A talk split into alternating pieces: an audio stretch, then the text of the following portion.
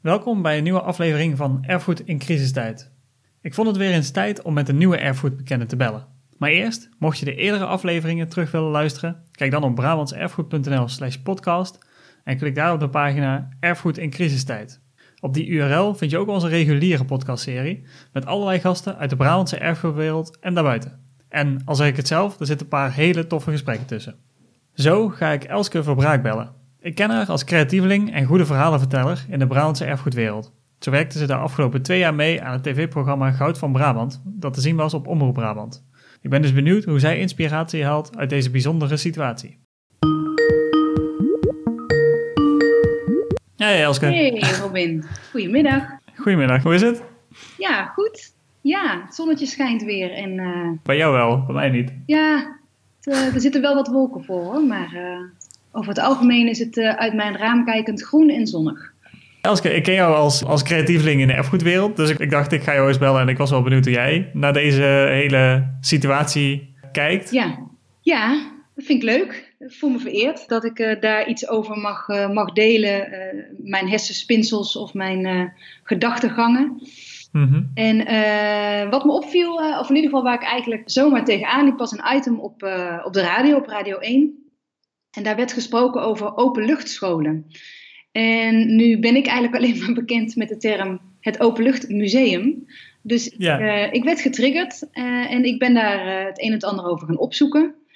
En ik las dat in de beginjaren van 1900, 1913, volgens mij 1914, Mhm. dat daar de openluchtschool eigenlijk is, is uitgevonden om kinderen met, met TBC, of in ieder geval kinderen met aanleg voor TBC, om die op eh, een manier les te geven waarbij eh, de invloed van, eh, van de buitenlucht een gunstige invloed op ze zou hebben. Mhm. En dat zag er praktisch uit dan wel in de buitenlucht les krijgen, dan wel in een lokaal aanwezig zijn waar de ramen daadwerkelijk uit het lokaal konden. En nou ja, voor mij was sowieso dat onderwerp nieuw. Dat ik dacht, heeft dat ooit bestaan? Dus dat vond ik al een, een leuke ontdekking. Mhm. En ehm, vervolgens ben ik daar echt, echt even gewoon ingedoken. En kwam ik een aantal dingen tegen waarvan ik dacht: hé, hey, hoe zouden we daar nu een soort van profijt in, in kunnen hebben in, eh, in de tijd van corona, waar eh, nou ja, de afgelopen maanden het, het, het onderwijs gewoon compleet stil lag? Mhm. Ja, nu begint langzaam alles een beetje weer. Ja, nu zijn de ouders vooral blij dat ze hun kinderen weer, eh, weer naar de leraren kunnen sturen en dat ze het thuisonderwijs kunnen laten voor wat het is. Want niet iedereen was daar volgens mij blij mee. Mhm. zoals ik het dan interpreteer, moeten ze eh, in die zin een nieuwe manier vinden om met die anderhalve meter, eh, wat al een lastig gegeven is natuurlijk voor kinderen, Mhm. maar om op een nieuwe manier met die anderhalve meter om te gaan in een lokaal, in een, in een schoolinstelling, in het onderwijs. Ja, en, toch, en in toch een afgesloten ruimte, zeg maar. Ja, en een afgesloten ruimte. En nou is Nederland natuurlijk niet per definitie het land waar de meeste zonnestralen zijn. dus als je dan inderdaad hè, een link zou willen leggen met openluchtscholen, dan wordt dat misschien wel een uitdaging. Maar ik dacht wel, nou, wie weet eh, is er wel een link te leggen. Want wat ze dus voorheen deden in de buitenscholen, was dat ze de kinderen met busjes naar school brachten en dat er bepaalde soort voeding werd gegeven die zou helpen om, om gezonder te worden. Eh, er werd buiten les gegeven als het mooi weer was. Eh, er werd warm gegeten tussen de middag. Vervolgens werd er gespeeld buiten. Werd er ook geslapen op school. En moesten kinderen zelf hun, eh, hun Lekker. ja, misschien wordt er nog wel geslapen op dit moment in de klas, maar dan op een andere manier. maar ze moesten zelf ook hun, eh, hun bedden opmaken, dus, dus een stukje fysieke arbeid, om daarna ook daadwerkelijk gewoon drie kwartier daarin te rusten. En vervolgens mochten ze weer een aantal uur les hebben en dan weer met het busje naar huis. En al met al die ingrediënten samen bracht me op een, eh, ja, ja, of het nou een, een idee is of gewoon een, een, eh, gedachtegang. Dat ik dacht, als ze nou al dat soort dingen die tegenwoordig ook aandacht vragen, hè, bewuste voeding, bewust beweging, eh, bewust het lesaanbod afstemmen op het individu, eh, bewust gebruik maken van lokaal eten en drinken in plaats van het eh, in pakjes aanleveren. Dacht ik, nou, kunnen we die dingen dan niet met z'n allen combineren? Want er moet toch al gekeken worden naar een aanpassing in het onderwijs op dit moment. En Floris Alkemade, die schreef onlangs over in de, volgens mij was het in de Volkskrant, maar ik weet niet zeker. Die zei ook iets, iets in de trant, en het zijn niet zijn precieze woorden, maar de strekking was, als je toch al dingen wilde veranderen, hè, die, die, die je van plan was, waarom Mhm. zou je dat niet doen tegelijkertijd met een enorme verandering die toch al moet plaatsvinden? Dus ik dacht, volgens mij is dat 1 plus 1 is 2. Even heel kort door de bocht. Dat is eigenlijk een beetje. Het is sowieso misschien goed om over onze scholen na te denken, als het ware. Maar ik kan me zo voorstellen dat. Wat nu heel erg een ding is, natuurlijk is ook eh, het, de afgesloten ruimtes en dat soort dingen die weer extra risico op zouden leveren. Dat dat, ja, als je alle ramen eruit kan halen, bij wijze van spreken, dat dat ook een soort van oplossing zou zijn. Ja, weet je, het zou, zou, zo- zou- dat zou een simpele aanpassing kunnen zijn. Nou goed, de vraag is of simpel daadwerkelijk in de praktijk Hmm, simpel is.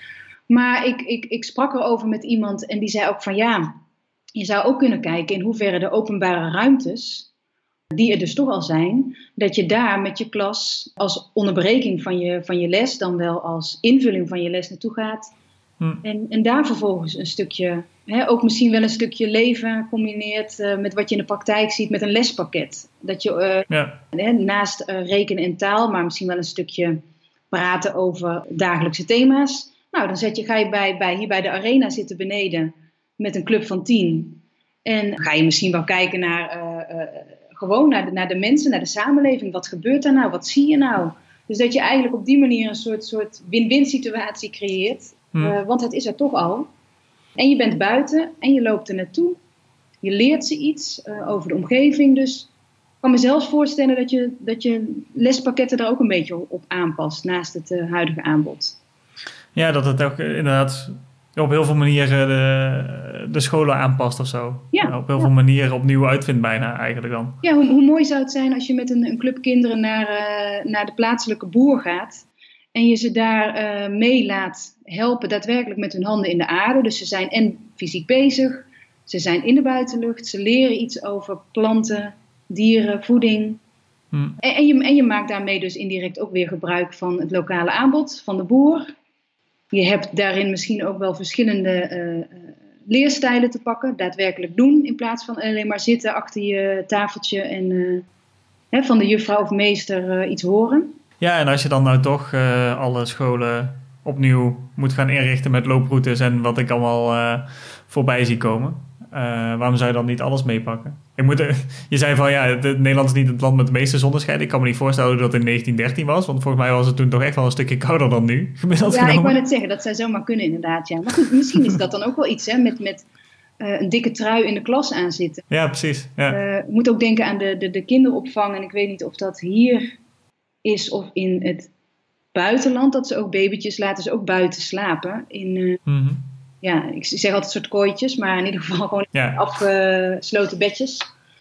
Dus weet je, dat, dat is wel, wel duidelijk geworden dat de buitenlucht gewoon een positieve impact. eh Dus ja, weet je, het, het vereist toch wel een andere manier van inrichten. En eh, ja, misschien is dat iets waarmee een, een onderwijsinstelling met wat kleine moeite toch wel wat dingetjes kan, kan aanpassen, waardoor, ja, waardoor er gewoon nog wat, wat, wat meer van dat soort plannetjes eh, worden meegenomen in het hele verhaal. Ja, en de, en de geschiedenis ons dus misschien een beetje een soort van voorbeeld geeft hoe we het ook in zouden kunnen richten, die ook nog, nu nog heel toepasselijk is. Ja, nou, Eh, op een manier die ook, zeg maar, corona-veiliger is, hopelijk. ja, ja. Zonder afgesloten ruimtes en zo. Ja, heel vet. Interessant. Wie weet, gaan we het zien straks. Ja, weet je, het zou. eh, het mes zou aan meerdere kanten kunnen snijden. Want je zou misschien ook wel een, eh, een aantal creatieven kunnen inzetten om. Ja, ik ben, ben inderdaad nu tegelijkertijd ook hardop aan het denken om op, op die manier hun aanbod voor kinderen mee te nemen. Waardoor ze misschien toch op een, een, een, andere, een andere plek weer komen buiten het klaslokaal. Ik denk dat dat het Hmm. voornaamste is misschien ook wel. Dus, dus buiten school, eh, op het plein. Maar ook wel gewoon een uitstapje maken. En dat doen ze natuurlijk nu toch ook wel. Ik, ik bedoel, ik zie vaak genoeg eh, rijen kinderen voorbij lopen. Op weg waarschijnlijk naar de gymzaal. Of op weg Mhm. naar school. Of een wandelingetje als, als pauzemoment. Maar misschien is het dat wel. Terwijl ik het zeg, realiseer ik me het als pauzemoment. Ja, Misschien moet je het dus veel meer zien als iets inclusiefs. Gewoon iets wat gewoon onderdeel vormt van het, eh, van het naar school gaan. Maar ja, daar is wel een hele andere mindset voor nodig natuurlijk. ja. ja, misschien is dit dan juist het moment om eh, die eh, stap te maken. Ja, weet je, die, die, die sluimert toch al. En dus natuurlijk, eh, de een is de andere school niet. En eh, zo zag ik ook dat er een openluchtschool is in Amsterdam. Maar goed, dan heb je het dus en, en over Amsterdam. Dan kun je al denken, oké, hoe kunnen wij dat dan doen in Brabant? maar het is er Mhm. ook maar één. Ja, Het geeft aan hoe, hoe nieuw ze zijn en hoe, ja, hoe spannend het concept waarschijnlijk is. Want anders hadden heel veel scholen dit soort dingen misschien al lang geïmplementeerd. ja, ja, inderdaad. Nou, laten we hopen dat, dat, eh, dat het in ieder geval stof tot nadenken geeft, inderdaad. Ja. Nu we toch alles aan moeten passen. En de geschiedenis daar een soort van, eh, van voorbeeldje van kan zijn. Ja, ik vind het leuk om, om te kunnen kijken van wat, eh, dat is ook iets wat we natuurlijk bij, bij Goud van Brabant deden. Van wat kunnen we leren van vroeger, of van in ieder geval van de geschiedenis. En ja, hoe kunnen we onze lering eruit trekken Ja. vanuit 2020?